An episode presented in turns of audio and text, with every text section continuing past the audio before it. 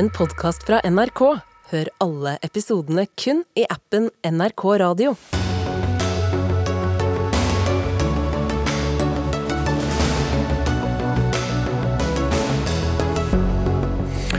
Klar beskjed fra regjeringen til sykehusene. Det må spares, og helseregionene må selv finne ut hva det skal gjøres mindre av. Over halvparten av norske grisehold bryter loven, viser ny rapport. Det til tross med flere år med avsløringer. Den russiske avhoppersaken er vanskelig for Norge, sier folkerettsekspert. Bestrider påstanden om at deltakelse i Wagner-gruppen automatisk gjør mannen til krigsforbryter. Og systemkritikken mot Nav blandes med personkritikk av de ansatte, mener fagforeningsleder. Møter kritiker til debatt. Dette er noen av sakene i tirsdagens Dagsnytt 18. Jeg heter Espen Aas. Og det skal først handle om sykehusene. Mindre penger, færre vikarer. Det er en av beskjedene fra helseministeren til sykehusene i årets sykehustale. Det som derimot øker, ja, det er prisene og lønningene. og Derfor må større investeringsprosjekter og vedlikehold flere steder utsettes. Og Da er jo spørsmålet helse- og omsorgsminister Ingvild Kjerkol fra Arbeiderpartiet. Hvor ille er tilstanden i Sykehus-Norge nå? Det er viktig for meg å si at det skjer veldig mye bra i norske sykehus. Og vi skal i 2023 gi gode og forsvarlige spesialisthelsetjenester til innbyggerne i Norge. Men vi har eh, prisstigning, eh, nesten en sjokkarta prisstigning. Og det betyr at vi får mindre igjen for pengene. Og da må vi gjøre det som eh, veldig mange andre land også må. Vi må prioritere ressursene riktig. Så jeg syns ikke det er rett å si at man må spare penger, man må rett og slett prioritere riktig. og Det betyr at ikke alt kan være like viktig i sykehusene våre. Så det betyr ikke nødvendigvis at vi har for lite penger altså, til sykehusene totalt sett, men at vi har plassert eh, pengene uriktig? Det blir stramt, eh, og man må prioritere. Eh, det som er de langsiktige utfordringene for helsetjenesten, det er at det vil være eh, mer krevende å kunne rekruttere fagfolk. Vi har en eh, stor demografisk endring på gang i landet vårt. Vi har passert én million alderspensjonister. Og hvordan vi utdanner, rekrutterer og beholder fagfolk, det blir et viktig oppdrag som sykehusene må Eh, svare opp i året som kommer. Og og prisstigning det betyr at det blir vanskeligere å planlegge. Eh, spesialisthelsetjenesten er helt avhengig av å kunne planlegge godt for å bruke ressursene riktig.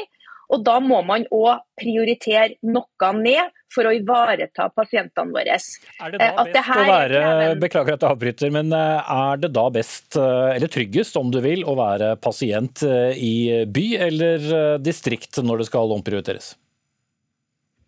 Nei, det er ikke sånn man prioriterer. Det jeg har bedt helseregionene om i oppdraget for denne det å se på eh, røntgen og laboratorietjenester, om vi bruker ressursene riktig der, om det er overforbruk av de tjenestene.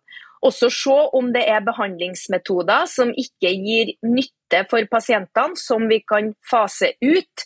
Så det er ikke en prioritering mellom by og land. Denne regjeringa ønsker en eh, sterk offentlig helsetjeneste som er til stede over hele landet og det er den jobben eh, helseregionene går løs på i 2023. Og så er det viktig for meg å si at jeg forstår at det er krevende i sykehusene nå. Vi har mange epidemier samtidig, mange luftveisinfeksjoner.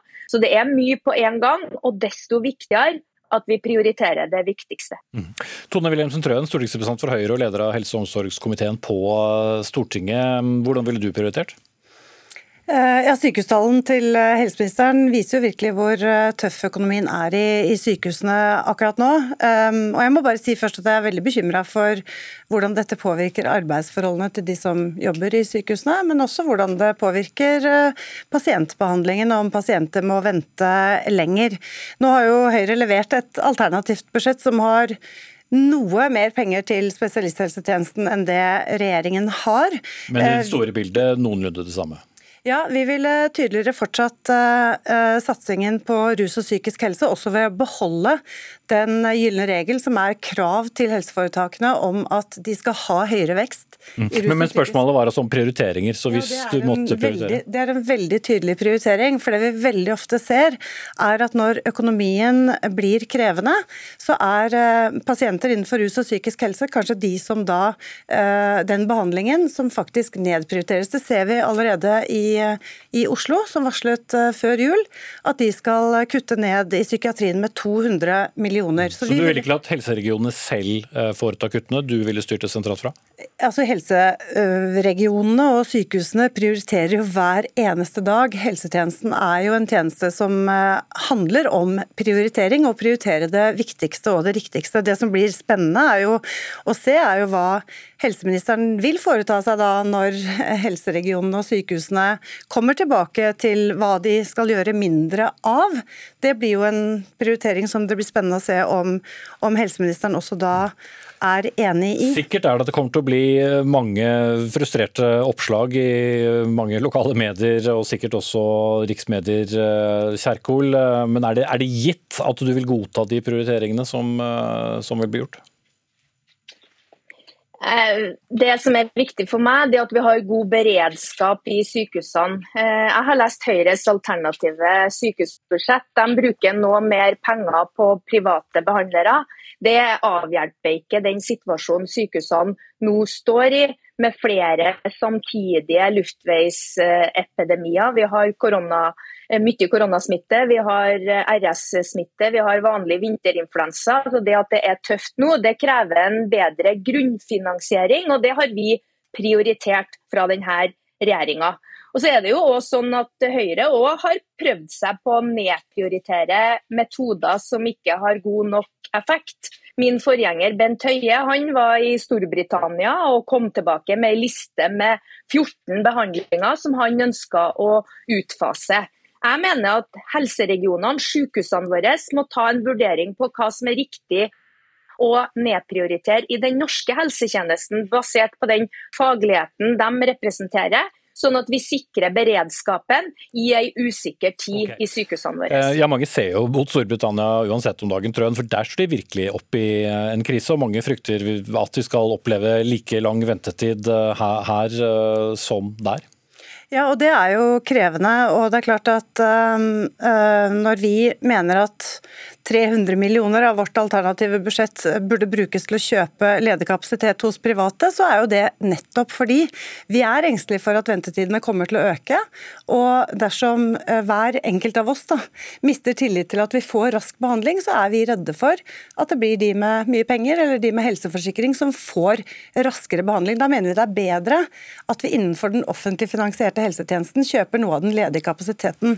Men det som er aller, aller viktigst, det er jo at vi beholder helsepersonellet vårt i sykehusene og i kommunehelsetjenesten. Der er det vel ikke så mye uenighet. Eh, Tone Sofie Aglen, politisk kommentator i NRK. Vi er i dårlige tider som vi lenge har visst måtte komme, skriver du på nrk.no i dag. Betyr det at vi eh, burde gjort noen grep tidligere?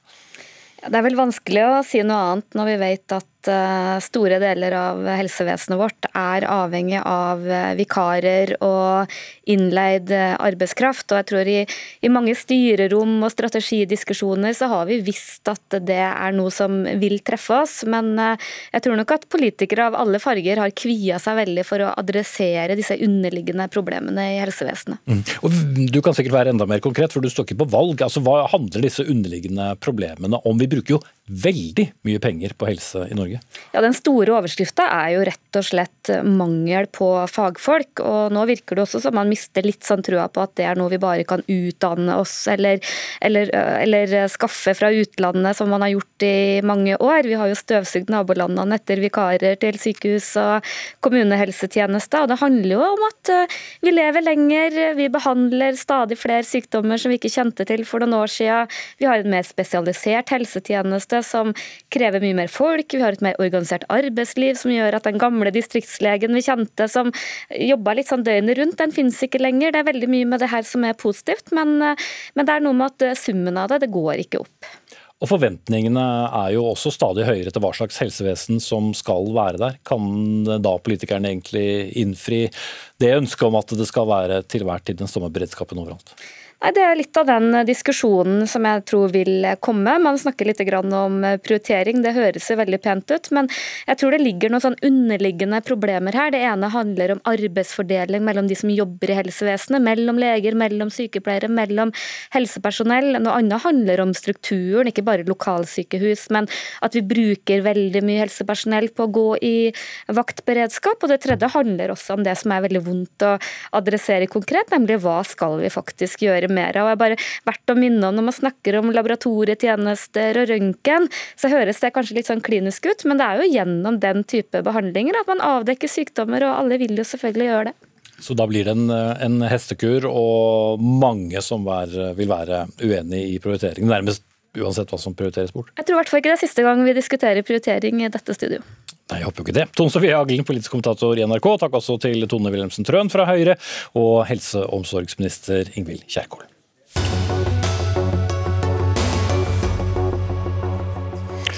I dag fikk vi et svar på hvordan tingenes tilstand er for dyrevelferden i norske svinebesetninger. For på over halvparten av gårdene som Mattilsynet besøkte, ja, der ble det funnet avvik. Funnet de ble presentert i sluttrapporten fra Nasjonal tilsynskampanje fra dere i Mattilsynet, Ingunn Midthun Godal. Der er inspisert altså en, en firedel av besetningene. og Hva slags avvik snakker vi om? Det vi snakker om, det er nok strø som er viktig for at grisen skal ha et godt eh, sted å hvile. Så snakker vi om rotemateriale, som er viktig for at grisen skal kunne utøve sin naturlige atferd. Rotemateriale, altså rett og slett stikke trynet ned i søla? Og, rett og slett. Og så handler det også om syke og skadde dyr og håndteringen av de. Men så har jeg lyst til å legge til, du nevnte at vi har vært i en fjerdedel av besetningene. Det er ca. 582 grisebesetninger. Så vi har nå en veldig god oversikt og god kunnskap om hvordan norske svin har det. Mm. Er dere overrasket over eh, andelen avvik? Jeg har lyst til å si først at vi ser stor variasjon. Så vi ser jo avvik, som du nevnte, i mer enn halvparten av tilfellene. Og det mener vi ikke er godt nok. Samtidig så ser vi også mange som driver godt, og flere som driver bedre enn det som regelverket krever. Men det hjelper jo ikke så mye for de som ikke gjør det? Det er jeg helt enig i. Og da er det jo viktig at bonden, som har ansvaret for grisens velferd, og som er i fjøset hver dag, tar ansvar for å bedre dyrevelferden der det ikke er godt nok. Mm. Så har det vært mange avsløringer i dokumentar på NRK. Aktivister har, har, filmet eh, forhold for særlig svin som absolutt ikke har vært eh, på det nivået det skal være. Ville dere kommet dit dere er i dag uten at det var andre som påpekte dette? Det eh, er jo et viktig spørsmål. Vi satte i gang med en lokal tilsynskampanje i Rogaland før både Griseindustriens hemmeligheter og før de avsløringene som var i mai 2021. Og så har jeg lyst til å si at det bildet vi ser, er et annet enn det som er trukket fram i disse to, eh, to programmene. Annet hvordan da?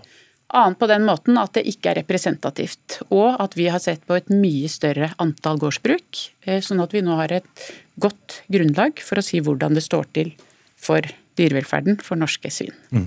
Bjørn Gimming, leder av Norges Bondelag. Eh, hvordan reagerer du på denne sluttrapporten? 56% med avvik, er det sånn det må være? Nei, dette her er ikke godt nok.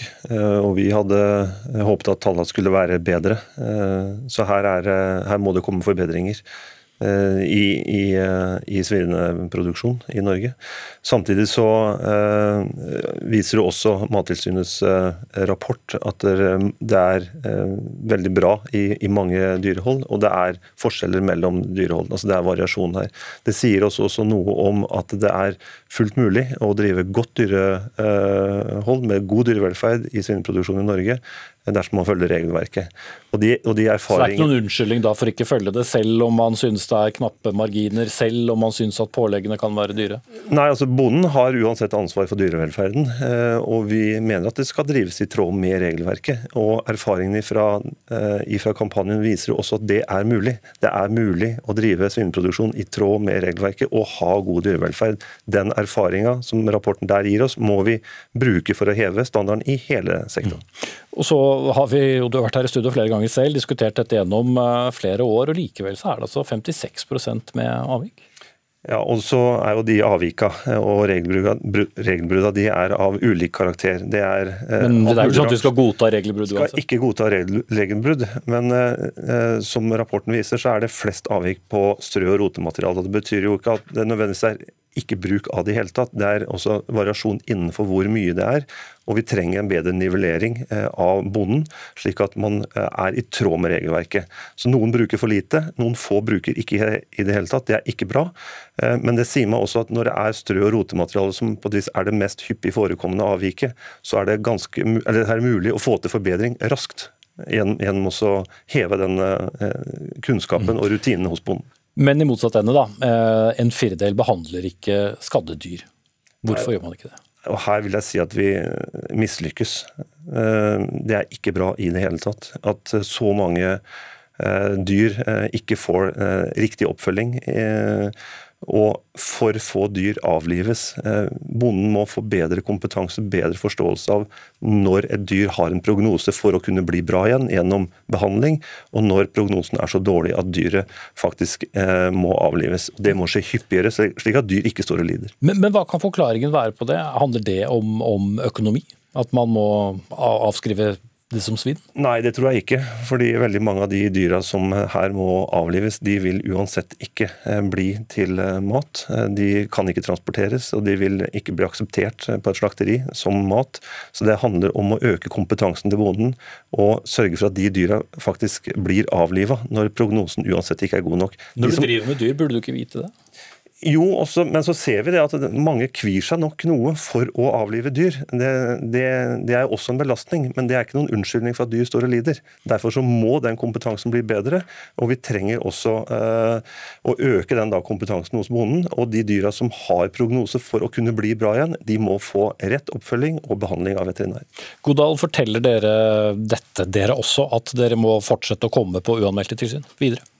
Det eh, å komme på uanmeldte tilsyn er jo en viktig del av de verktøyene vi har for å bidra til regelverksetterlevelse, og at bonden tar det ansvaret han har i forhold til dyrevelferd han eller hun har. Så ser vi jo gjennom denne grundige og omfattende tilsynskampanjen vi har hatt nå, at det er noen områder hvor vi kan være enda bedre på å veilede om hvordan regelverket skal forstås. Og Vi jobber nå med to veiledningsvideoer som sier noe om hvordan man skal bruke strø- og rotemateriale for å sikre at det blir lett å forstå og lett å etterleve regelverket på de mm. punktene. Men jeg tenker igjen da kanskje mest på det som er den andre enden, som handler om de som ikke behandler skadde dyr eller avliver dyr som er skadde. Det blir jo viktig for oss å følge opp de besetningene hvor det har vært eh, flere avvik. og Det er ca. 10% av besetningene som har hatt fire eller flere avvik. Og det er klart at De må vi følge opp på en god måte. Og Der skal vi også bruke de virkemidlene vi har til rådighet for å sikre regelverksetterlevelse. Men det er altså ikke bare dere som kommer på besøk til eh, grisefarmene. Tor Gropstok, du er da etolog, altså lærer om dyrs atferd i naturlig miljø, også talsmann for Nettverk for dyrs eh, frihet. Eh, hva syns du om denne sluttrapporten? Dere har jo ja, indirekte bidratt til den. Ja, nei, Den sluttrapporten her, den viser jo mye som det våre avsløringer også har vist, at dyrevelferden i norsk griseindustri er altfor dårlig, og at griseindustrien ikke klarer å rydde opp i de problemene de har. Det har vært avslørt gang på gang, og griseindustrien har lovet bot og bedring. Men likevel så ser vi nå at det er lovbrudd hos de fleste griseprodusentene. og Det er kjempealvorlig. og det, det, krever mye sterkere lut enn det vi hører her og det vi har sett tidligere. Mm. Men samtidig har jo litt av kritikken mot deres uh, avsløringer da vært at det har tatt noen gårder. Her har man gjort et ganske omfattende arbeid og, og vist et uh, større bilde. så Sånn sett burde du vel også egentlig være glad for denne rapporten? Ja, ja Vi er glad for at Mattilsynet gjør dette arbeidet, og at vi får et uh, godt faktagrunnlag for denne debatten. Og så viser jo da det faktagrunnlaget ganske sjokkerende tall. Vi har allerede et svakt regelverk som ikke sikrer god dyrevelferd for norske griser. Du kan holde en gris på en kvadratmeter med betong, de får aldri komme ut, de får ikke se sollys. Altså, det, er ganske, det er et ganske svakt regelverk, og likevel så ser vi da i denne godt varslede kampanjen fra Mattilsynet at over 50% bryter regelverket. Da er det ikke enkeltprodusenter det er problemet med, da er det et system med alvorlige problemer. Mm. Sandra Borch, landbruksminister fra Senterpartiet, har sittet tålmodig og hørt på de tre andre. Hvordan syns du eh, norske griser egentlig har det? Nei, det er jo klart Det vi har fått nå i den rapporten fra Mattilsynet er ikke godt nok, som også næringa har eh, formidla i dag. Eh, det må gjøres eh, tiltak. Og så sier man, eller det sies jo også at man har virkemidlene i dag og regelverket for å gjøre de tiltakene. Vi ser at halvparten er brudd, men mesteparten av det er rundt rotemateriale og strø. Der er det enkelt å gjøre tiltak raskt. Det, det er alle enige om at ikke det er så ja, og. Så ser vi også at det er store variasjoner fra region til region. Så kunnskapsoverføringer til, fra, fra, de ulike regionene tror jeg også kan være eh, en viktig løsning, i tillegg til at vi hele tida må fokusere på eh, kompetanse. Og så kan jeg si at Fra regjeringas side eh, så jobber vi jo nå med en omfattende dyrevelferdsmelding som skal komme i løpet av neste år, som også kommer til å være, eller rapporten i dag kommer til å være et gr viktig grunnlag for det regjeringa skal gjøre der. Men eh, vi har jo hatt noen runder her og flere steder hvor vi gang på gang har konkludert med at eh, funnene som vi presenterer ikke er godt nok. Har vi da riktig regelverk, Borch? Ja, og På mange av de eh, regelbruddene i dag så er det enkelt å oppfylle regelverket. Det er ett eller to punkt som ikke er fulgt opp. Enkelt å la være òg, virker det som? Jo, nei, altså jeg, jeg, tror også at norske bønder er veldig opptatt av at dyrene sine skal ha det bra. Det betviler jeg ikke. Og så ser vi at i enkelte, eller 10% av tilfellene som er eh, nå eh, hatt tilsyn, som Mattilsynet har hatt tilsyn på, så er det, har man flere brudd. Og Det er jo der man har flere brudd man også må gå inn med tiltak. Og så vil jo jeg si at Det er ikke sant at det ikke utføres tilsyn i dag. Det gjennomføres jo gjennom dyrevelferdsprogrammet til eh, næringa sjøl tre tilsyn for de sårbare produksjonene i løpet av året, og ett tilsyn eh, på, på resterende. Men det er klart, vi må jobbe for å bli bedre. Det er regjeringa er opptatt av. Også utvikle og se på regelverket i tilknytning dyrevelferdsmeldinga. Men kjapt eh, og raske tiltak, så må næringa også ta tak sjøl. Mm. Gropstokk, hva syns du er eh, det mest graverende i funn? Det er mye graverende her, for å si det sånn. Eh, men jeg tenker det Sandra sier om at næringa må ta tak. Jeg er for så vidt enig i at næringa må ta tak og starte på en utvikling hvor man eh, får, lar dyra få komme ut og lar dem få bedre levemiljø. Men vi har også gitt næringa nå så mange muligheter til å rydde opp i ting, og de har vist gang på gang at de ikke klarer å gjøre det.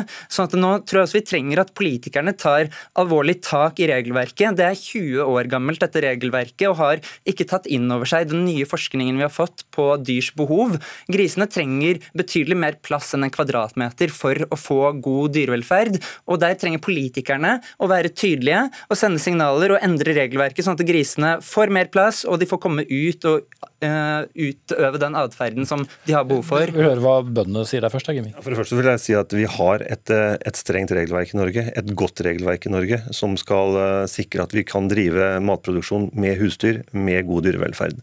Norske bønder er veldig opptatt av dyrevelferd. Eh, og vi har jo sjøl lansert dyrevelferdsprogram som et verktøy for å få til forbedringer. Eh, og vi er i en positiv utvikling. Men jeg skulle ønske at den positive utviklingen hadde gått fortere. Men gjennom eh, dyrevelferdsprogrammene så så får vi avdekka avvik eller regelverksbrudd. Og De avvika blir stanset, de blir lukket. Eh, og Gjennom den prosessen så får vi også endring i rutiner, og også endring over tid med holdninger, dersom eh, i noen få tilfeller det er tilfellet. Så vi jobber systematisk. Jeg skulle ønska meg en raskere framdrift, men det er ingen tvil om at vi er inne i en positiv utvikling. 100 eh, velferd får vi vel aldri, Sandra Borch, men når vil du være fornøyd? da? Nei, altså Vi må hele tida utvikle eh, både altså se på dyrevelferd. Er, vi ser at samfunnet utvikler seg, endrer seg. Dyrevelferd må være fokus eh, hele tida, og da må vi bidra til å gjøre de rette tiltakene. Men jeg tror akkurat på svin nå, så tror jeg vi har også, eller eh, svinenæringa har mye å lære av hverandre. Det er mange som eh, har god dyrevelferd og vel så det. Man kan bidra med kunnskapsoverføring mellom de ulike regioner for å nettopp eh, bidra til å, til å få ned avvikene. Og Særlig der man opplever én til to avvik som er knytta til strø, eh, strø og rotemateriale. Og det er forebyggende nettopp for at du ikke skal komme til de neste avvikene som utgjør en skade for dyret. Helt ærlig, Godal, tror du du vil få veldig annerledes resultat om du gjør dette om et år? Jeg er en optimist med tanke på å se forbedring. Og så er det en god nyhet. Du har ikke drungen ja? Hva sa du? Du kom ikke med et rungende ja der? Nei, det, for meg er det jo viktig at det er dyreeier som har ansvaret, og at alle aktørene rundt bonden må bidra til at dyreeier kan ta det ansvaret. Eh, det gjelder næringa selv, det gjelder andre aktører, slakteriene osv., og, så videre, og det gjelder også Mattilsynet. Og Vi må jobbe godt sammen. Og så er det et, en positiv nyhet som ikke er nevnt hittil, og det er at vi også har undersøkt veterinær, veterinærenes bruk av smertelindring og bedøvelse i forbindelse med kastrering av smågris, og der har vi ikke funnet noen avvik. Og Det var et av de punktene som var viktige viktigst i denne griseindustriens hemmeligheter som var på Brennpunkt-dokumentaren. Da var også det nevnt. Eh, takk skal du ha, Ingunn Midtun Godal, administrerende direktør i Mattilsynet. Takk til Sandra Borch, landbruks- og matminister fra Senterpartiet, Bjørn Gimming, leder av Norges Bondelag, og Tor Gropstok, etolog og talsmann for dyrenes rettigheter.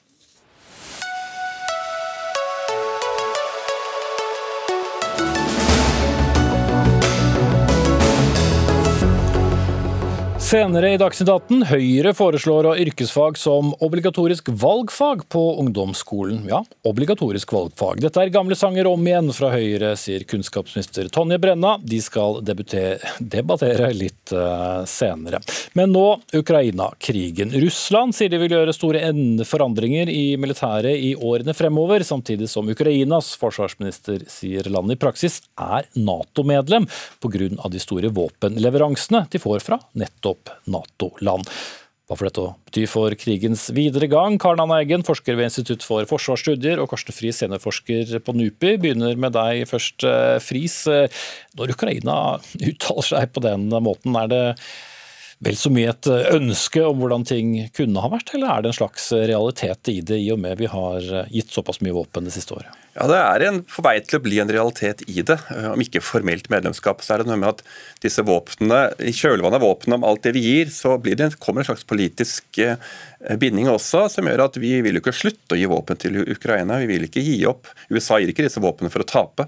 Så det, det, det følger med en sånn haleheng av politisk eh, engasjement, kanskje, fra, fra vestlig side. Og, og, det trenger ikke formelt formaliseres i et Nato-medlemskap, men men at, at, Ukraina allerede er liksom eh, en del av Vesten når det gjelder denne krigen, her, det er åpenbart. Mm. Og Slik ser vel også Russland det, Karnan Eggen? Det er i hvert fall det de argumenterer for, når de nå eh, har endra retorikken fra at de skal avnazifisere, demilitarisere, til at eh, de nå gjør det så dårlig på slagmarka fordi de egentlig kjemper mot liksom, det hele Natos eh, industrielle kompleks. Mm. Og, og Friis, eh, ingen tvil om hva Putin syns om de aller fleste vestlige land her, men løper også Nato-land noen større risiko enn tidligere ved å sende såpass mye materiell? Nei, altså I begynnelsen så var man redd for det man ga såkalte defensive våpen. hva nå det er for noe, Men, men man var redd for å liksom bli trukket inn i krigen. Og Nato formelt er jo ikke en del av, av dette, det er Nato-land som gjør dette. Men så har man sett etter hvert som eh, russiske krigføring har vist seg i all sin gru, eh, direkte rettet mot sivilbefolkning og slike ting, så har jo det politiske Vesten har modnet og blitt mer villig til å, til å, støtte Ukraina. og Retorikken nå er jo mer og mer på at Ukraina må få full frigjøring. Alt annet er legitimt, det er folkerettslig. Og alt annet eh, blir, blir et, tap overfor, eller en seier for, for Russland. Så, så, det har vært en politisk bevegelse der. Så, og, og nå, er, nå, er, vi liksom, nærmer vi oss uh, en, en, felles også, si, forståelse for å gi tunge våpen, sånn som stridsvogner. Mm. Men sett da med russiske øyne, Karnan Eggen, uh, ut fra retorikken som da var der uh, i februar, januar og februar i fjor, og der vi er nå, den, den, endrer seg jo stadig. Men betyr det også at tapet blir verre for Putin å bære? Du kan jo si at det Putin har gjort egentlig med å starte hele uh, storinvasjonen, eller reinvasjonen, i 24.2, uh, men særlig alle de tiltakene, alt som er gjort etter uh, senhøsten med uh, annektering av nye, fire nye regioner, av uh, mobiliseringa ikke minst, um, av snakk Ikke sant at du flytter, øker militære bevilgninger til Forsvaret. Uh, alt det her er jo Putin som uh, for alvor binder seg til masta. Det er ikke noe retrett. Han skal rette historisk urett, gjenforene Stor-Russland, han skal dytte Nato vekk. Uh, og ikke minst, han skal sikre seg kontroll i Ukraina. Altså de overordna målsettingene som de gikk inn i det her storinvasjonen med, de består. Uh, og sånn som vi ser det, så de, de gir seg sjøl ingen retrettmuligheter. Og det virker i hvert fall ikke som at de har noen uh, tanker om at de skal trekke seg tilbake, eller gi, gi noen slags form for konsesjoner. Mm. Det var jo stilt en del spørsmål tidlig ved invasjonen og hva han egentlig ville, hvor langsiktig de så for seg dette, mm. men da elleve måneder nesten inn i denne invasjonen, ser vi at det har vært en klar plan bak, eller um, er det litt uh, art by accident, som man uh, sier på engelsk? Eh, det var helt klart en plan bak å starte en sånn storoffensiv som de gjorde 24.2, men den planen gikk nok, som det er flere og flere også peker på, at det er snakk om at Putin og de rundt han tenkte at det her skulle være en quick fix, at en blitskrig, du skulle inn i Kyiv Eh, tre dager, kaste kast Zelenskyj, få inn et marionetteregime. Eh, og så tok du sikkert resten ikke sant, litt ettersom det kom. De har òg forberedt seg på vestlige sanksjoner. Men de var ikke forberedt på den vendinga det skulle ta, den store motstandsviljen i den ukrainske befolkninga. Eller den vestlige støtten som har vedvart og økt, som er veldig viktig for Eh, at Ukraina eh, skal klare å vinne, ikke minst. Eh, men òg for at det ikke her nødvendigvis skal bli en krig som vil dra ut i mange år. Mm. Men hvis vi ser da på alt materiellet som er levert til Ukraina, Karsten Friis. Det har jo for mange vært overveldende mye å sende av gårde. Har da Russ, hva, hvordan har russerne møtt dette? Ja, De har ikke kunnet gjøre så mye med det, annet enn å fortsette det de holder på med, som har vært en sånn vanvittig bruk av artilleri, i store mengder, og i de siste månedene da bruk av, av, eh, av missiler og annet, annet eh, våpensystemer for å ødelegge sivil infrastruktur, for liksom å knuse si, kampviljen til vanlige folk. Det har vel virket mot sin hensikt, tenker jeg. Men det er lite Russland kan gjøre rent, gjøre rent militært på bakken med det, med det som, som skjer. Eh, og Det blir veldig interessant å se. Jeg regner med at vi får en, en ukrainsk motoffensiv, en, en, en, offensiv nå om ikke så lenge, om noen måneder. Eh, og Da blir det interessant å se hvordan Russland, om de klarer å holde, holde tilbake. Mm. Men eh, mange Nato-land da, med store ressurser fortsetter å levere inn. Forteller det også en historie om, om russerne som også har møtt alle disse våpnene, kanskje mer enn man hadde trodd? Ja, altså, det, nå er det, litt sånn at Russland hadde nok ikke forberedt seg på en sånn, sånn, type krig som dette, med altså en sånn konvensjonell krig. Det er som Karl Anna sier her, at de hadde tenkt seg litt annen type, litt sånn enkel operasjon. Og så må de tilpasse seg å lage en, en, sånn, en, en kompleks militær operasjon eh, hvor de både bruker luft og, og landstyrke sammen. Og, og, og, Det har nok kommet litt gradvis. Men Russland har vist seg dårlig til å kjempe med, kombinert med forskjellige våpensystemer. Og ukrainerne er langt mer bevegelige og mer eh, dynamiske og tilpasningsdyktige. Så det er ikke bare våpensystemene, det er også hele hvordan de opererer. altså At de har mer f.eks. Eh, frihet til å ta initiativ på lokalt nivå. Nå, vi, nå går det framover, nå trenger vi ikke vente på ordre lettere for å rykke fram videre. Vi kan gjøre det på eget initiativ. Den type ting det kan ikke russerne på samme måte. Egen, kort slutt. Absolutt ikke. Eh, samtidig så er det jo viktig å, ha, å ta med i beregninga alle de no, eh, tiltakene Russland har satt i gang eh, og iverksatt. Det at de nå annonserer at de skal få sluse inn 350 000 til nye mobiliserte, som vi jo ser har en viss effekt, om så lokalt på slagmarka. Um, og det er òg noe med at uh, ikke skal undervurdere hvor langt Russland er villig til å gå. Uh, brutaliteten som vi ser hver dag. Uh, så det er, en, det er, det er noen altså Krigens dynamikk er uforutsigbar, og, og vi skal heller ikke undervurdere hva Russland er villig til å gjøre da, for å nettopp sikre seg de om så små, men viktige seire i Ukraina. Mm, takk skal du ha. Karen Anna Eggen, forsker ved Institutt for forsvarsstudier, og Karsten Friis, seniorforsker ved NUPI.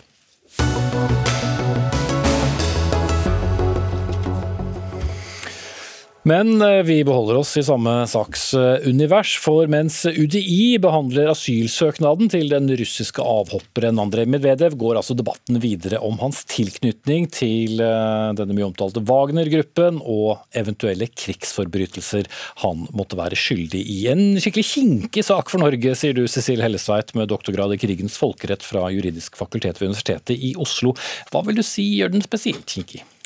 Nei, Det som gjør den vanskelig, eh, er at den befinner seg i et folkerettslig landskap som er litt komplisert. Dette her er ikke det samme som når f.eks. Eh, mulla Krekar er i Norge, eh, eller andre som kommer fra borgerkriger eller andre konflikter rundt om i verden. Dette her er en mann som har vært stridende, og som har rømt fra krigsteateret i en krig mellom to stater, og har kommet til Norge. Og Det gjør at Genévekonvensjonene for krigføring gjelder, og Norge er også forpliktet av de, og han er da på en måte en stridende som befinner seg hos en nøytral makt. Og Det gjør at det, det inntreffer noen regler i folkeretten som på en måte egentlig står over både flyktningeretten og menneskerettighetsregimet. Så nå må vi på en måte navigere i dette, og det kan bli ganske krevende. Og så er jo på en måte bakteppet her at vi ønsker å gi beskyttelse til de som flykter fra denne krigen. Og samtidig så ønsker vi å straffeforfølge de som har begått krigsforbrytelser. Så her er også på en måte noen av de hensynene møtes også i denne saken. Så vet vi jo godt hva Wagner-gruppen har vært eh, og er. Han har en tilknytning eh, til dem, men gir det oss også et automatisk svar på, på, på, hva slags eh, status han måtte ha? Nei, Vi vet litt lite om bakgrunnen hans enda, eh, og vi kjenner jo til Wagner-gruppen særlig fra operasjoner utenfor Russland og utenfor ukrainsk territorium også, i Mali og i Syria osv. Da er det jo en sånn leiesoldatorganisasjon eller kontraktører, og de er jo ikke vanlige soldater. Men i krigsteateret i Ukraina så er det klart da har Wagner-gruppens soldater fått ø, eh, oppgaver og blir lagt inn under kommandolinjer som gjør at de nok er kombatante eh, etter tredje Genévekonvensjon. Det betyr at denne soldaten trolig har immunitet for de handlingene han har gjort i den krigen som ikke er krigsforbrytelser. Så Det kan han antageligvis ikke straffeforfølges for, selv om han har deltatt i en aggresjonskrig, mm. og selv om noen av hans medkamerater kan ha begått krigsforbrytelser. Natalia Ravn Christensen, talsperson for den ukrainske foreningen. Eh, dere mener han er en krigsforbryter? Vi mener hele angrepskrigen er stor krigsforbrytelse. Eh, han er en del av det. Vi ser ham i våre øyne, han, han forbryter. Om uh, jurister kaller ham for krigsforbryter, eller hvordan kaller de ham, det spiller ingen rolle. For oss er han forbryter. Han har gått inn i Wagner-gruppe, han måtte ha googlet frem han, hva det er. Det eneste de gjør, det er å drepe og trakassere og torturere være. Eh, og han har skrevet kontrakt med dem, han har gjort det for penger, han visste hva han gjør. Han er ikke en soldat som ble sendt mobilisert tvangsmobilisert, han har valgt det selv. Og han har vært, Uavhengig av hva han selv faktisk måtte ha gjort? Ja, han har gjort det selv, så han visste hva han gjorde. Og hvis det er sant at han har vært en del av Wagner-gruppen, det, det, er for tidlig å si, det sier han, eh, så mener han at han er krigsforbryter, eller forbryter i hvert fall. Eh, mm. Og mener vi, vi, mener at han må dømmes. Nå har vel Wagner-gruppen gjennom den litt snodige pressemeldingen de har sendt ut også langt på vei bekreftet det. Men ut fra det resonnementet, hva mener du Norge skal gjøre med ham? Eh, det, for det første så er det veldig viktig at uh, han straffes om det blir en internasjonal domstol, domstol eller om han utleveres til ukrainer. Det kommer Norge til å svare, det kommer tiden til å svare. Det avhenger av hva Ukraina kommer med, om de kommer med noen uh, fakta på ham, uh, og om de vil kreve ham utlevert. Det forventer jeg. Uh, og, eller om det blir en internasjonal domstol. det er veldig viktig. Ukraina har henvendt seg til Eh, Europarådet, til FN, til EU, eh, EU e jeg vet at Nato-assembleet har snakket om sånn dannelse av eh, en domstol for Ukraina, om det blir Haag domstol for Ukraina, eller hvor det blir, det vet vi ikke. Men det er viktig at Norge stimulerer denne prosessen. Det, men ikke venter til krigen er ferdig, men at det gjøres nå. For vi ser at det kreves nå. Men, men hvor mye handlingsrom har Norge da, Helseth? Nei, altså, eh, hvis eh, en person som han får asyl, som han jo har søkt om, så er det en beskyttelse mot utlevering. Utlevering til Ukraina, utlevering til Russland. Men så finnes det en eksklusjonsgrunn i flyktningkonvensjonen som gjør at hvis du har medvirket eller er ansvarlig for krigsforbrytelser, så skal du ikke få asyl, nettopp fordi da skal du kunne utleveres. Så Det er også litt av effekten av det Wagner-gruppen selv sier, eller russiske myndigheter eventuelt sier, at han er under etterforskning eller mistenkes for krigsforbrytelser, så kan de på en måte eh, blande seg inn i den søknaden i Norge. Eh, og Da er utfordringen vår at hvis, hvis vi eh, lander på at han trolig har vært ansvarlig for krigsforbrytelser, så vil vi være forpliktet til under Genévekonvensjonene til enten å straffeforfølge han i Norge eller å utlevere han. Og Da er spørsmålet hvem skal vi utlevere han til? Fordi i systemet eh, som gjelder i krig, så er det først og fremst de militære selv som har ansvar for å Eh, iretteføre sine egne krigsforbrytere. Så Da kan jo på en måte Russland komme med en utleverings, eh, et utleveringskrav til Norge, og så kan man på en måte bli sittende i en litt sånn kinkig situasjon. Mm. Men, men vi vet for lite på det nåværende tidspunkt om, om, om, hva som kommer her, men dette her er på en måte et, et område hvor russerne kan også spille ganske mye på dette. Men, men hvor avgjørende er da tidspunktet hvor man trekker denne konklusjonen, og hvorvidt invasjonskrigen er over eh, eller ikke? Ja, Så lenge krigen foregår, så er det litt andre regler som beskytter denne, denne, tidligere soldaten. Eh, etter krigen så vil vi være over i en sånn rettsoppgjørsfase. Så da vil det være mindre skal vi si, kritisk sånn sett. Så det er, det er, det, dette er vanskeligere for Norge så lenge krigen pågår, og før vi har kommet over i en sånn rettsoppgjørsfase. Fordi det, det finnes på en måte ikke noen eh, steder enda hvor du har en, en internasjonal domstol som behandler dette. Og Den internasjonale straffedomstolen i Haag har sekundær jurisdiksjon, så den kan på en måte komme inn mye, mye senere senere. Eh, og I Ukraina har man begynt å straffeforfølge krigsforbrytere eh, og har kommet et stykke med det. Men, men som sagt så vil denne, denne, personen, når han er i Norge mens krigen fortsatt pågår, så er det ikke gitt at vi kan utlevere han til fiendestaten. Til, til, denne stridende soldaten. Forhåpentligvis kommer det mer eh, informasjon om Andrej Medvedev etter hvert. Takk til Cecilie Hellestveit og Natalia Ramm Christensen.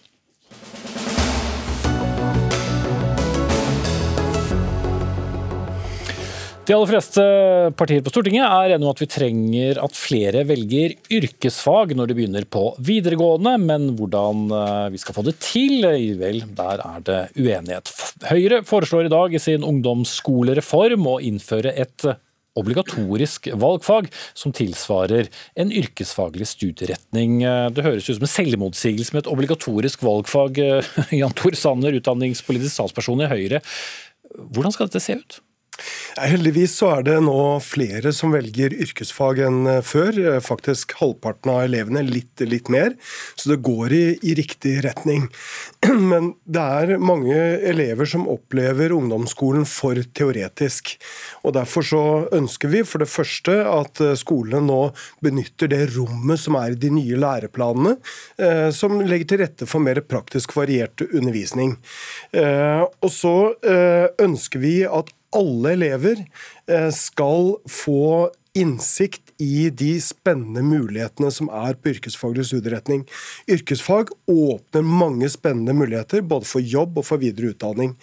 Og Da ser vi for oss at et ett av de valgfagene som man tar på ungdomsskolen eh, Man har jo til sammen 57 timer på, eh, i løpet av for hvert år i tre år etter hverandre. Så her er det rom både for et obligatorisk eh, valgfag som matcher de stu, eh, yrkesfaglige studieretning. Det kan være innenfor datateknologi, det kan være naturbruk, det kan være restaurant- og matfag. Og da ser vi for oss at ungdomsskolene samarbeider tettere med lokalt arbeids- og næringsliv, og også med de videregående skolene. Mm. Kunnskapsminister Tonje Brenna fra Arbeiderpartiet med oss eh, på linje. Var det så dum idé, da? Jeg er glad for at uh, Høyre har blitt opptatt av yrkesfag. Jeg er også glad for at uh, flere av elevene våre velger yrkesfag. Men det vi trenger å gripe ordentlig fatt i, det er at flere må bestå og komme seg gjennom og fullføre med fagbrev. Vi har et par liksom, grunnleggende utfordringer i ungdomsskolen i dag. Det ene handler om at elevene er for lite motivert, de kjeder seg, vi strever med en del mobbing. Og det handler om at selv om vi har økt innsatsen gjennom mange år med flere timer og flere ressurser, så ser det ut til at elevene ikke lærer det de skal. og mange lærer ikke nok. Vi trenger at flere kan godt å lese, skrive og regne, og vi trenger at flere av elevene våre kan lære på andre måter. Derfor tror jeg at spørsmålet om hvordan vi lærer i ungdomsskolen handler om mer enn å si at det handler om yrkesfag. Det handler om å jobbe mer praktisk og variert i flere fag, og det handler om å la elevene ta flere valg. Og jeg synes egentlig det er litt oppsiktsvekkende at Høyre etter først åtte år i regjering hvor de ikke gjorde noen ting for ungdomsskolen, så ett år utenfor regjeringskontorene, kommer tilbake med en såkalt ungdomsreform som ungdomsskolereform som handler om noe så smalt som dette. Jeg tror vi må tenke mye mer omfattende og dyptgripende i måten vi jobber praktisk og variert på i skolen. Og det er lurt å gjøre dette på en helhetlig måte. Ikke noen quick fix eh, der, Sanner? Nei, det er det ikke. Men jeg tror at den skolepolitiske debatten ville stått seg på at vi lyttet litt mer til hverandre. Eh, og hva partiene faktisk foreslår. Dette er ikke et smalt forslag. Vi har levert en rapport i dag på 75 sider med 80 konkrete forslag som er basert på det kunnskapsgrunnlaget som er tilgjengelig, både gjennom forskning og offentlige utredninger. Så er det feil når kunnskapsministeren sier at Høyre nå har blitt opptatt av yrkesfag. Vi gjennomførte et viktig yrkesfagløft og bidro også til å fornye Det er sånn dere politikere gjør det, vet du. La oss holde oss til yrkesfag. Jo, men, eh, men, men det, jeg mener at det er viktig. Og så har vi tatt mange viktige grep som vil få positive konsekvenser for ungdomsskolen. Men det er helt riktig som Tonje Brenna sier, at eh, ungdomsskolen har noen særskilte utfordringer, eh, og det er de vi adresserer. Mange elever kommer inn i ungdomsskolen med svake grunnleggende ferdigheter, og vi vet at de som ikke lærer å lese, skrive og regne skikkelig, ja, de har bare 40 sannsynlighet for å fullføre videregående skole. Mm. Og hvis de da, Brenna, ble sluset inn da i mer praktisk rettede valgfag, kunne ikke det snarere motivere? Altså jeg, det er helt sikkert uh, mye vi kan bli enige om tror jeg, ut ifra det som foreslås her, og, og det at vi skal styrke yrkesfagene og sørge for at flere elever blir kjent med mulighetene yrkesfag gir tidligere, det er jeg helt enig i. Men det grunnleggende problemet er jo at under Høyre så har skolen blitt stadig mer akademisert og teoretisk elevene våre, ungdommene våre, er forskjellige. De lærer på forskjellige måter. Derfor så mener jeg at en praktisk og variert skole handler ikke om yrkesfag eller studiespesialiserende. Det handler om måter å lære på. Jeg er helt overbevist om at ved å jobbe mer praktisk og variert, så kan flere få sterkere leseferdigheter, bli bedre til å skrive, bli bedre til å regne. Men da må vi ikke gjøre det som Høyre også foreslår, og som Sanner nå ikke nevner, nemlig å innføre karakterer fra barneskolen, innføre flere nasjonale prøver, drive med metode overstyring av lærerne. Da må vi vise tillit og jobbe mer praktisk og variert. Tonje Brenna, vi har ikke foreslått å innføre karakterer fra, fra, barneskolen. Jeg ser at Arbeiderpartiet løper rundt og sier det i dag. Men, men la oss holde oss til yrkesfagene. Jo, men dette er en helt annen, annen debatt. Nettopp. Uh, så, uh, er, uh, så fikk jo vi på plass fagfornyelsen, altså nye læreplaner gjennom hele skolen. og Den legger til rette for nettopp det Tonje Brenna tar opp, en mer praktisk og variert undervisning, og det må man ta tak i. Så har vi foreslått da et eh, obligatorisk yrkesfaglig eh, valgfag, som jeg mener er viktig. Og det siste, eh, som også må med i denne debatten, og det er bedre rådgivning. Jeg har besøkt skoler over hele landet og ser at noen ungdomsskoler har veldig god rådgivning, mens andre steder så står det tiår tilbake i tid. Så vi ønsker å se rådgivning, karriererådgivningen mellom ungdomsskolen og videregående skole mer i sammenheng. Får elevene mer informasjon, mer kunnskap om alle de spennende mulighetene som er innenfor yrkesfag, så jeg er helt overbevist om at enda flere vil velge den veien. Mm. Brenna til slutt. Jeg er enig i at vi skal styrke rådgivninga og vi skal gi elevene mulighet til å bli kjent med yrkesfag tidligere. Men vi må også tillate å forsterke og støtte at elevene våre er forskjellige. Vi lærer på forskjellige måter. Flere må få mulighet til å oppdage tidlig at de har både praktiske interesser og ferdigheter. Og da må vi slutte med det Høyre har holdt på med gjennom veldig mange år, nemlig akademisering, teoretisering av skolen. Teste og måle og veie for testingens skyld, og heller være opptatt av at elevene kan lære praktisk og variert, rett og slett for å kunne lære mer i løpet av skoleløpet. Ok, Tonje Brenna kunnskapsminister fra Arbeiderpartiet og Jan Tore Sanner, stortingsrepresentant fra Høyre. Takk skal dere ha.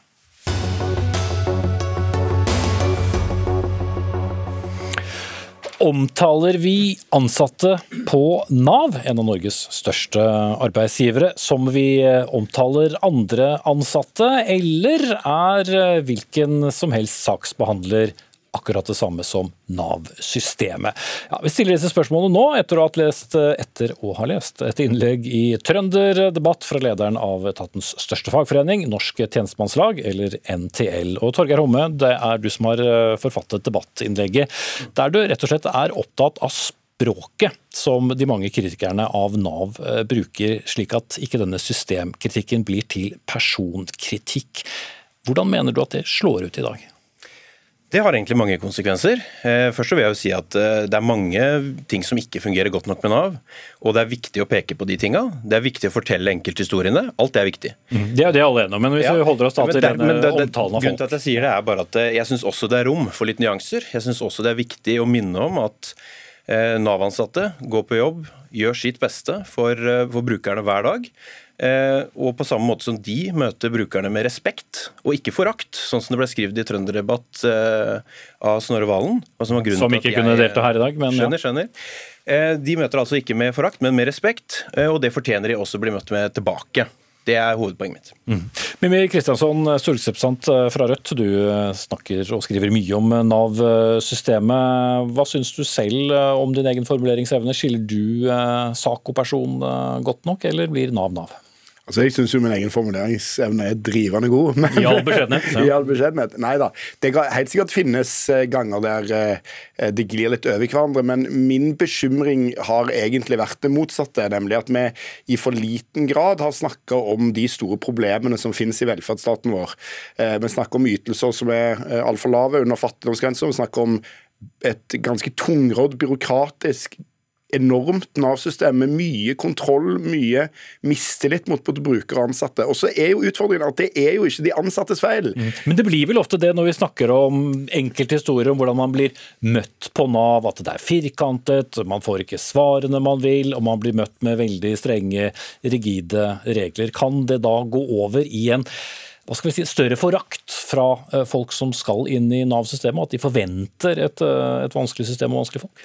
Det kan selvfølgelig tippe over, men min opplevelse er at Nav er et system preget av kontroll og mistillit. Og så er ikke det de ansatte i Nav sin feil. Tvert imot så tror jeg de ansatte opplever at de blir utsatt for kontroll og mistillit av eh, et ganske byråkratisk system. Og det er jo min eh, stand, politikerne, det er jo vi som har ansvar for at ytelsene er lave. Det er vi som har ansvar for at det eh, har ligget til grunn kanskje en slags forventning om at noen prøver seg på å velge trygd bare for moro skyld.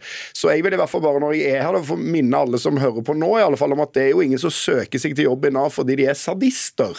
Altså Det er jo ikke det som er målet. Tvert imot så tror tror jeg de som jobber der, det er vel 20 000 stykker nærmere, og de har jeg tro på at er noen av de mest hjelpsomme og omsorgsfulle menneskene vi har. for det er jo derfor de har valgt seg det yrket. Ja, Det er flere ansatte i Nav enn Equinor i Norge, gullet jeg meg frem til her, Torgeir. Men de må jo da forvalte et regelverk som Kristiansson sier, som politikerne har satt, og som eh, deres ledere er eh, ansvarlig for at også de ansatte da følger. og da er det det de må gjøre? Det må de, og vi, er, vi som jobber i Nav er stolte over å forvalte en så viktig del av velferdsstaten vår. Og Det går vi på jobb og prøver å gjøre så, så, godt vi kan. Vi har sikkert mange meninger om eh, en del av ytelsene, men når vi er på jobb og møter brukerne, så, så har vi noen rammer å forholde oss til. Eh, og det gjør vi altså ja, hver dag. Mm. Og de kan jo ikke gå utenom det heller, selv om man som ansatt ville tenkt at vet du hva, her sitter jeg og forvalter et regelverk som er så firkantet at jeg har vondt for å gjøre det. Men fortsatt må man gjøre det. Ja, og jeg har snakka med så mange Nav-ansatte som er utrolig frustrerte over hindringer og skranker de møter når de prøver å hjelpe folk, for det er politikerne ikke gitt de skikkelige verktøy i alle sammenhenger til det. da. Men jeg vil bare advare med at når vi har en såpass alvorlig situasjon for veldig mange eh, i den norske velferdsstaten, så må vi ikke bli fanga i et sånt fra, framsnakkingstyranni. på en måte. Man må kunne snakke om de alvorlige problemene som er der. og Du nevnte jo Equinor. og det er jo for sånn at Hvis man kritiserer den norske, norske, oljebransjen, da kommer sjefen i Equinor og sier er det noe galt med de som jobber på plattform, uten at det var det noen sa. Og det tilsvarende risikerer man jo her òg, at de som har makt, myndighet og innflytelse, de skyver de Nav-ansatte foran seg for å hindre kritikk av den politikken som har gjort at Nav kanskje ikke fungerer optimalt. Thomas eh, Norvold, statssekretær i Arbeids- arbeids- og inkluderingsdepartementet da fra Arbeiderpartiet. Ja, er det, er det dere ansvarlige politikere som eh, skyver litt Nav-ansatte foran seg? Nei, eh, men det er jo sånn at nå eh, Vi er jo veldig glad i velferdsstaten, og det tror jeg alle i rommet her er. Og nå er den satt under press for at det er litt tøffere tider enn det var før. Da må vi utvikle den, og da er vi avhengig av at vi har med oss folkene. Og jeg er faktisk litt bekymra for at, at motivasjonen til å være med og utvikle tjenestene kan dale noe hvis man hele tida føler at man står i en storm og i en kritikk. Så er jo vi fra departementets side vi, vi kan ikke delta i litt sånn oppheta ordskifte og nærmest eh, måtte bare, bare komme med, med, en masse forskjellige eksempler. Vi er nødt til å, eh, til å styre dette. Eh, jeg opplever at vi gjør det på en eh, veldig konstruktiv måte. Ikke minst lamme de ansatte, de tillitsvalgte, ledelsen i, i Nav, for å sikre at de som trenger velferdsstaten, faktisk kan få den hjelpa de har behov for. Og så er jeg litt bekymra for at den debatten vi står i nå, kan gjøre at noen føler at vet du, Nav blir ikke jeg oppsøker når man er i en vanskelig situasjon i livet sitt. Eh, hvis det er tilfellet, så, så, vil det være utrolig uheldig. og Det, det håper jeg at vi alle kan, kan jobbe i lag for å, for å unngå. For noe jeg bet meg merke da jeg leste den eh, innlegget ditt i morges, Holme, er nettopp det du, du skriver om at man, man ville ikke omtalt en butikkansatt på samme måte som en, eh, en Nav-ansatt. Hvorfor kommer vi dit? Hvis jeg bare får lov å si først at Framsnakkingstyranni, det jeg skjønner poenget der. Vi som fagforening kritiserer arbeidsgiver mange ganger når man stenger dørene til Nav at det blir mer, til, mer utilgjengelig. Eh, og når politikerne vedtar eh, AP-regelverk som ikke møter brukernes behov. Da er vi ute og kritiserer, og vi gjør mye av det internt. Okay, det... Men eh, når det gjelder det du sier, ja, Verneombudet i Nav har jo bl.a. pekt på det at når man får veldig mange negative oppslag om Nav, hvis det er veldig ensidig, hvis, man, hvis det er sånn sånn Nav møter mennesker med forakt, den type ting, Nav møter alle med mistro, så gjør det noe med møtene mellom menneskene på Nav. Vi får flere hendelser, mer trakassering mer uønska ting som skjer på, på Nav-kontorene direkte i etterkant, så det har en smitteeffekt. Og Det syns jeg vi kan unngå å gå i både den ene og den andre grøfta. Mm, ja, og Det kan sikkert finnes eksempler på det, men jeg tror nok det først og fremst er realitetene og ikke retorikken som gjør veldig mange såkalte brukere desperate i møte med Nav. Eh, det er det at de rett og slett er en forferdelig vanskelig situasjon. Det er jo ikke noe hyggelige situasjoner folk oppsøker Nav i. altså Deres livssituasjoner er jo ofte ganske desperate når de kommer til dere, det vet jo du mye bedre enn meg, egentlig. Og når, eh, som du òg er inne på, når man har stengt ned Nav-kontorer, når vi finner i eh, Helsetilsynet finner at det er utrolig vanskelig å få ringt til Nav, f.eks. Det er klart at når du da endelig kommer fram til kontoret, så har du rukket å bli ganske sur. sånn at jeg tror jo at løsningen må gå her, er jo å bygge opp Nav, altså åpne opp Nav. og Derfor syns jeg jo det er litt spesielt for en statssekretær. Nå er jo foregående regjering mye verre på dette enn denne, men hvis det er noe som har gjort de Nav-ansatte jeg møter med frustrerte, så er det jo budsjettkutt. Så er det jo at man stenger kontorer. Det er jo det som gjør at folk syns det er vanskelig å jobbe på Nav, i mye mer større grad enn at noen er ute i en avis og, og, og klager på vegne av, av trygda folk. Sikkert noen som tilhørte den forrige regjeringen som ville svart noe på det, men det slipper de, for de er ikke til stede. Men Norvold, som ansvarlige politikere, kan man også gjøre noe fra regjeringshold for at retorikken rundt Nav blir noe annerledes? For alle vil jo, enten man er ansatt eller bruker eller politiker, at man skal ha et godt forhold til uh, store, det store systemet? Ja, og først og fremst så skal vi huske på at de aller aller, aller fleste møtene med Nav, de, de, der opplever folk at de blir møtt på en skikkelig måte, og at det er, de blir møtt med respekt, og du blir tatt på alvor og du blir trudd på. Så stort sett så er det jo det som er, eh, er hverdagen. Så er jo vi opptatt av å utvikle det her, og eh, vi driver jo nå på med en gjennomgang ut av, eh, ut av praksisen, særlig knytta til dette med uføre. For det kommer det mange saker, og vi har også behov for å gå gjennom og se er det sånn at de avkortings handlingsreglene som det heter vi har, at de er for rigide, blir skjønnet brukt, og det kommer vi til, eh, tilbake til. Eh, det er også sånn at Når man er i spesielle situasjoner, så lager man eh, nye policyer, nye veiledere. Vi er nå i gang med en kjempestor tillitsreform i Nav, som jo er initiert, og det er ektefødt barn ut av de tillitsvalgte i Nav, som nettopp sier at vi har en, en veldig god kompetanse som vi ønsker at vi skal kunne bruke enda mer, og enda mer direkte i møte med folk som er i en, en vanskelig vanskelig fase i livet sitt. Og, så her gjøres masse eh, for, å, for å, å, gjøre det bedre. Og så skal vi også huske på at dette er jo en enormt stor organisasjon.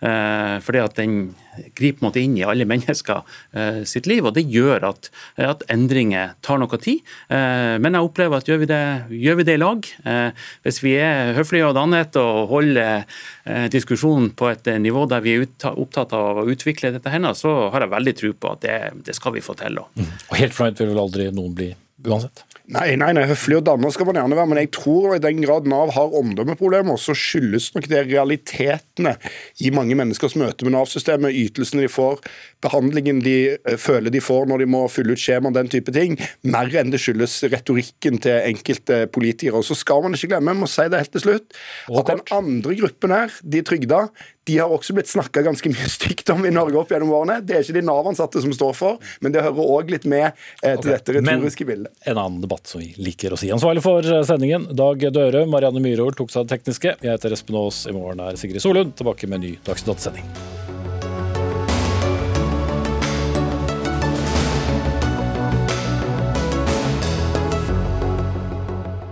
Du har hørt en podkast fra NRK. Hør alle episodene kun i appen NRK Radio.